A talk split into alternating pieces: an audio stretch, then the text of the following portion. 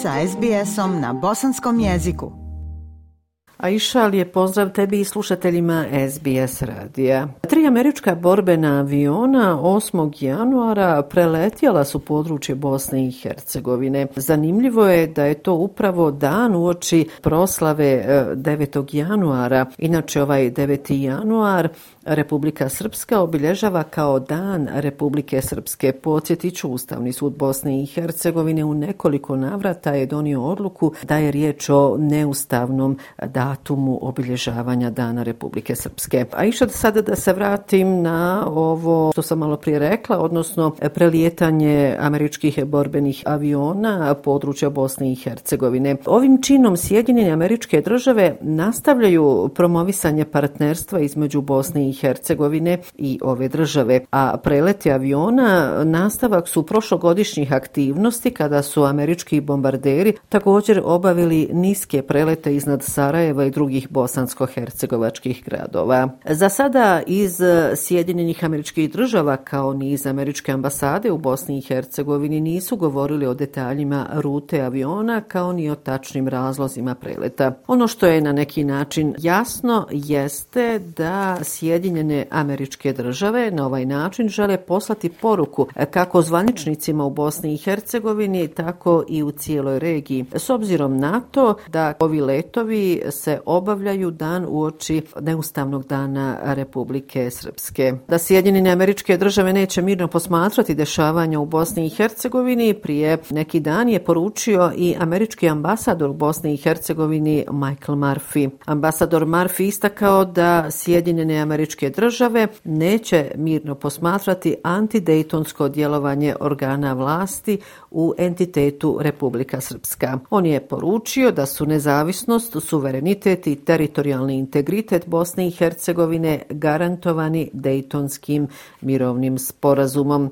Marif je također rekao da će Amerika djelovati ukoliko bude pokušaj razbijanja Bosne i Hercegovine, te da će Sjedinjene američke države braniti dejtonski mirovni sporazum. Inače, e, član predsjedništva Bosne i Hercegovine Željka Cvijanović izjavila je da ne postoji saglasnost predsjedništva Bosne i Hercegovine da američki borbeni avioni nadlijeću Bosnu i Hercegovinu. Kada je riječ o reakcijama u Republici Srpskoj smatraju da ovo prelijetanje američkih aviona borbenih e, znači na neki način provokaciju, a u Federaciji Bosne i Hercegovine smatraju da je samo riječ o nastavku partnerstva između Bosne i Hercegovine i Sjedinjenih američkih država. 9. januar će biti obilježen u Banjoj Luci i to paradom, a iako je najavio da se 9. januar više neće slaviti na e,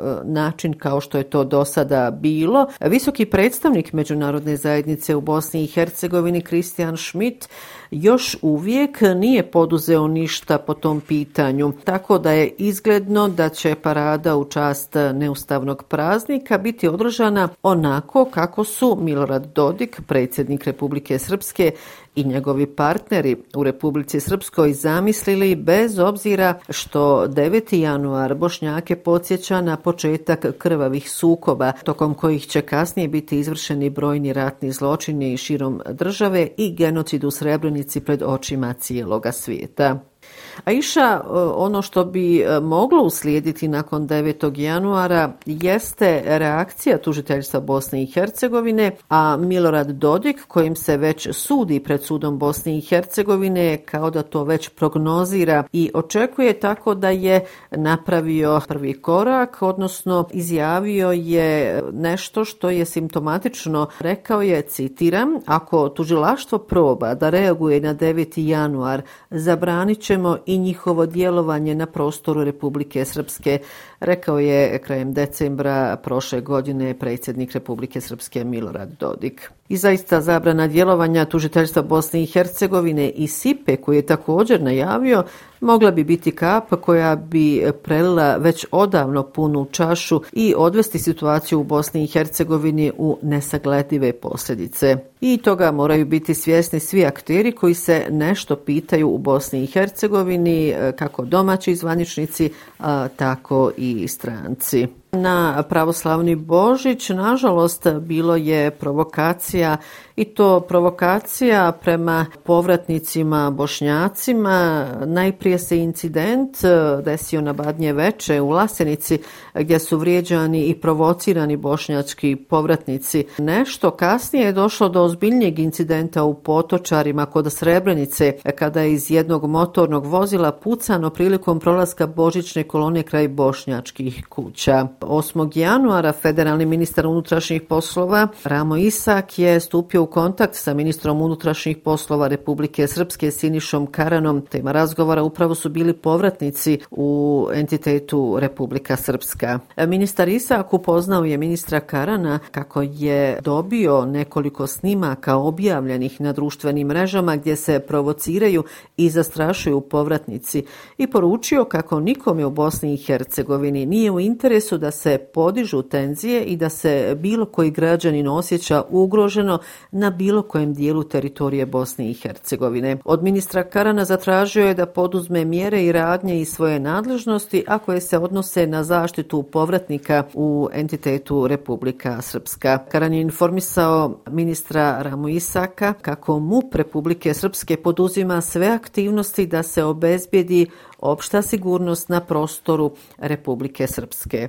Upravo 8. januara federalni ministar raseljenih osoba izbjeglica Nerin Dizdar boravio je najprije u Vlasenici. On se u Vlasenici obratio i novinarima rekavši da će Federacija Bosne i Hercegovine povratnicima kako u Vlasenici tako i u Srebrenici pružiti punu podršku. Teško je bilo šta reći kada čujete ljude ovdje koji govore da su doživjeli skandiranja Ustanite Balije na mjestu gdje je ubijeno 30 stanovnika Vlasenice u vrijeme agresije na Bosnu i Hercegovinu. Riječi su ministra Dizdara. Ovdje je samo pitanje za vlast i entitet Republika Srpska i za lokalne vlasti, kazao je Nerin Dizdar. Nažalost, u ovom dijelu Bosne i Hercegovine ne postoji vlast i opozicija. Zapravo, svi su jedinstveni u promovisanju šovinizma. Ako je za nekoga ovo vjera i vjerovanje, ako je ovo širenje poruke mira, onda im poručujem da je to zaista bolesno razumijevanje vjere. Što se tiče ministarstva, nas, vlade Federacije Bosne i Hercegovine, ovim ljudima ćemo pružiti punu podršku.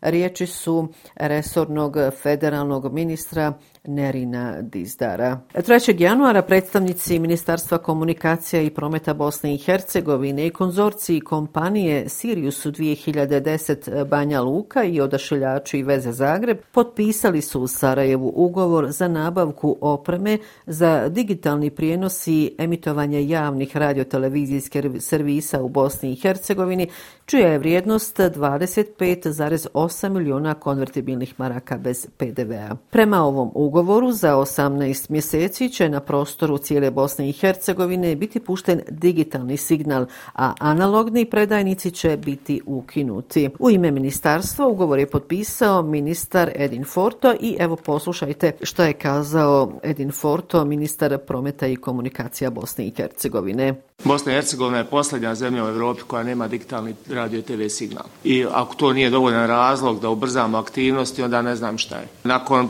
15 do 18 godina pokušaja da uradimo nešto što smo potpisali u Ženevi, konvenciju koju smo potpisali zajedno sa svim evropskim državama. Nekoliko godina nakon toga ostale evropske države su to isprovele. Mi smo u skladu sa svojim ritmom rada i načinom kako radi naše institucije to razvlačili do maksimuma. Nakon što je e, prije nekoliko godina, prije deset godina u stvari prva faza pokrenuta, suštinski Banja Luka, Sarajevo i Mostar su pokriveni digitalnim signalom. Vrijeme je da cijela teritorija Bosne i Hercegovine to ima i da se napokon skinemo s te liste, da napokon se priključimo ostatku Evrope. U ime konzorcija ugovor je potpisao direktor kompanije Sirius 2010 Banja Luka, Momčilo Đukić i evo poslušajte šta je on izjavio novinarima.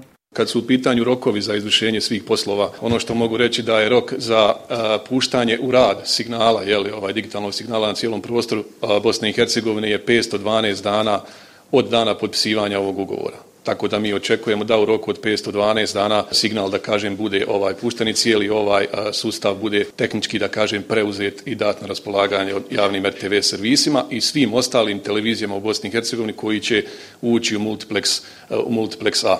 Uh, ono što također želim da kažem da je ovo najbolji period, budući da je sad zimski period i da dok oprema ne stigne, mi očekujemo da će to biti nekad početkom proljeća i da onda kada bude ljepše vrijeme po lokacijama koje su, da kažem, ima i planina, ima ovaj eh, teško pristupačnih lokacija, da bi se sve to moglo odraditi i završiti ali, u ovom datom roku. Za kraj iša još jedna informacija. Dekanesa ekonomskog fakulteta Univerziteta u Sarajevu, Jasmina Selimović, izabrana je e, 3. januara na sjednici Upravnog odbora Centralne banke Bosne i Hercegovine za novu guvernerku. Ona je na ovoj poziciji naslijedila Senada Softića. Inače, dekanesa ekonomskog fakulteta Jasmina Selimović od 2004. godine je angažovana na katedri za financije i katedri za kvantitativnu ekonomiju Ekonomskog fakulteta Univerziteta u Sarajevu. Jasmina Selimović je prva žena na poziciji guvernera Centralne banke Bosne i Hercegovine. Eto, ovom informacijom završavam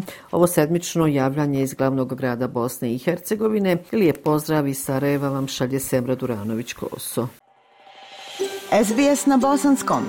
Podijelite naše priče preko Facebooka. Želite poslušati još ovakvih priča? Slušajte preko Apple podcasta, Google podcasta, Spotify ili kako god da primate svoje podcastove.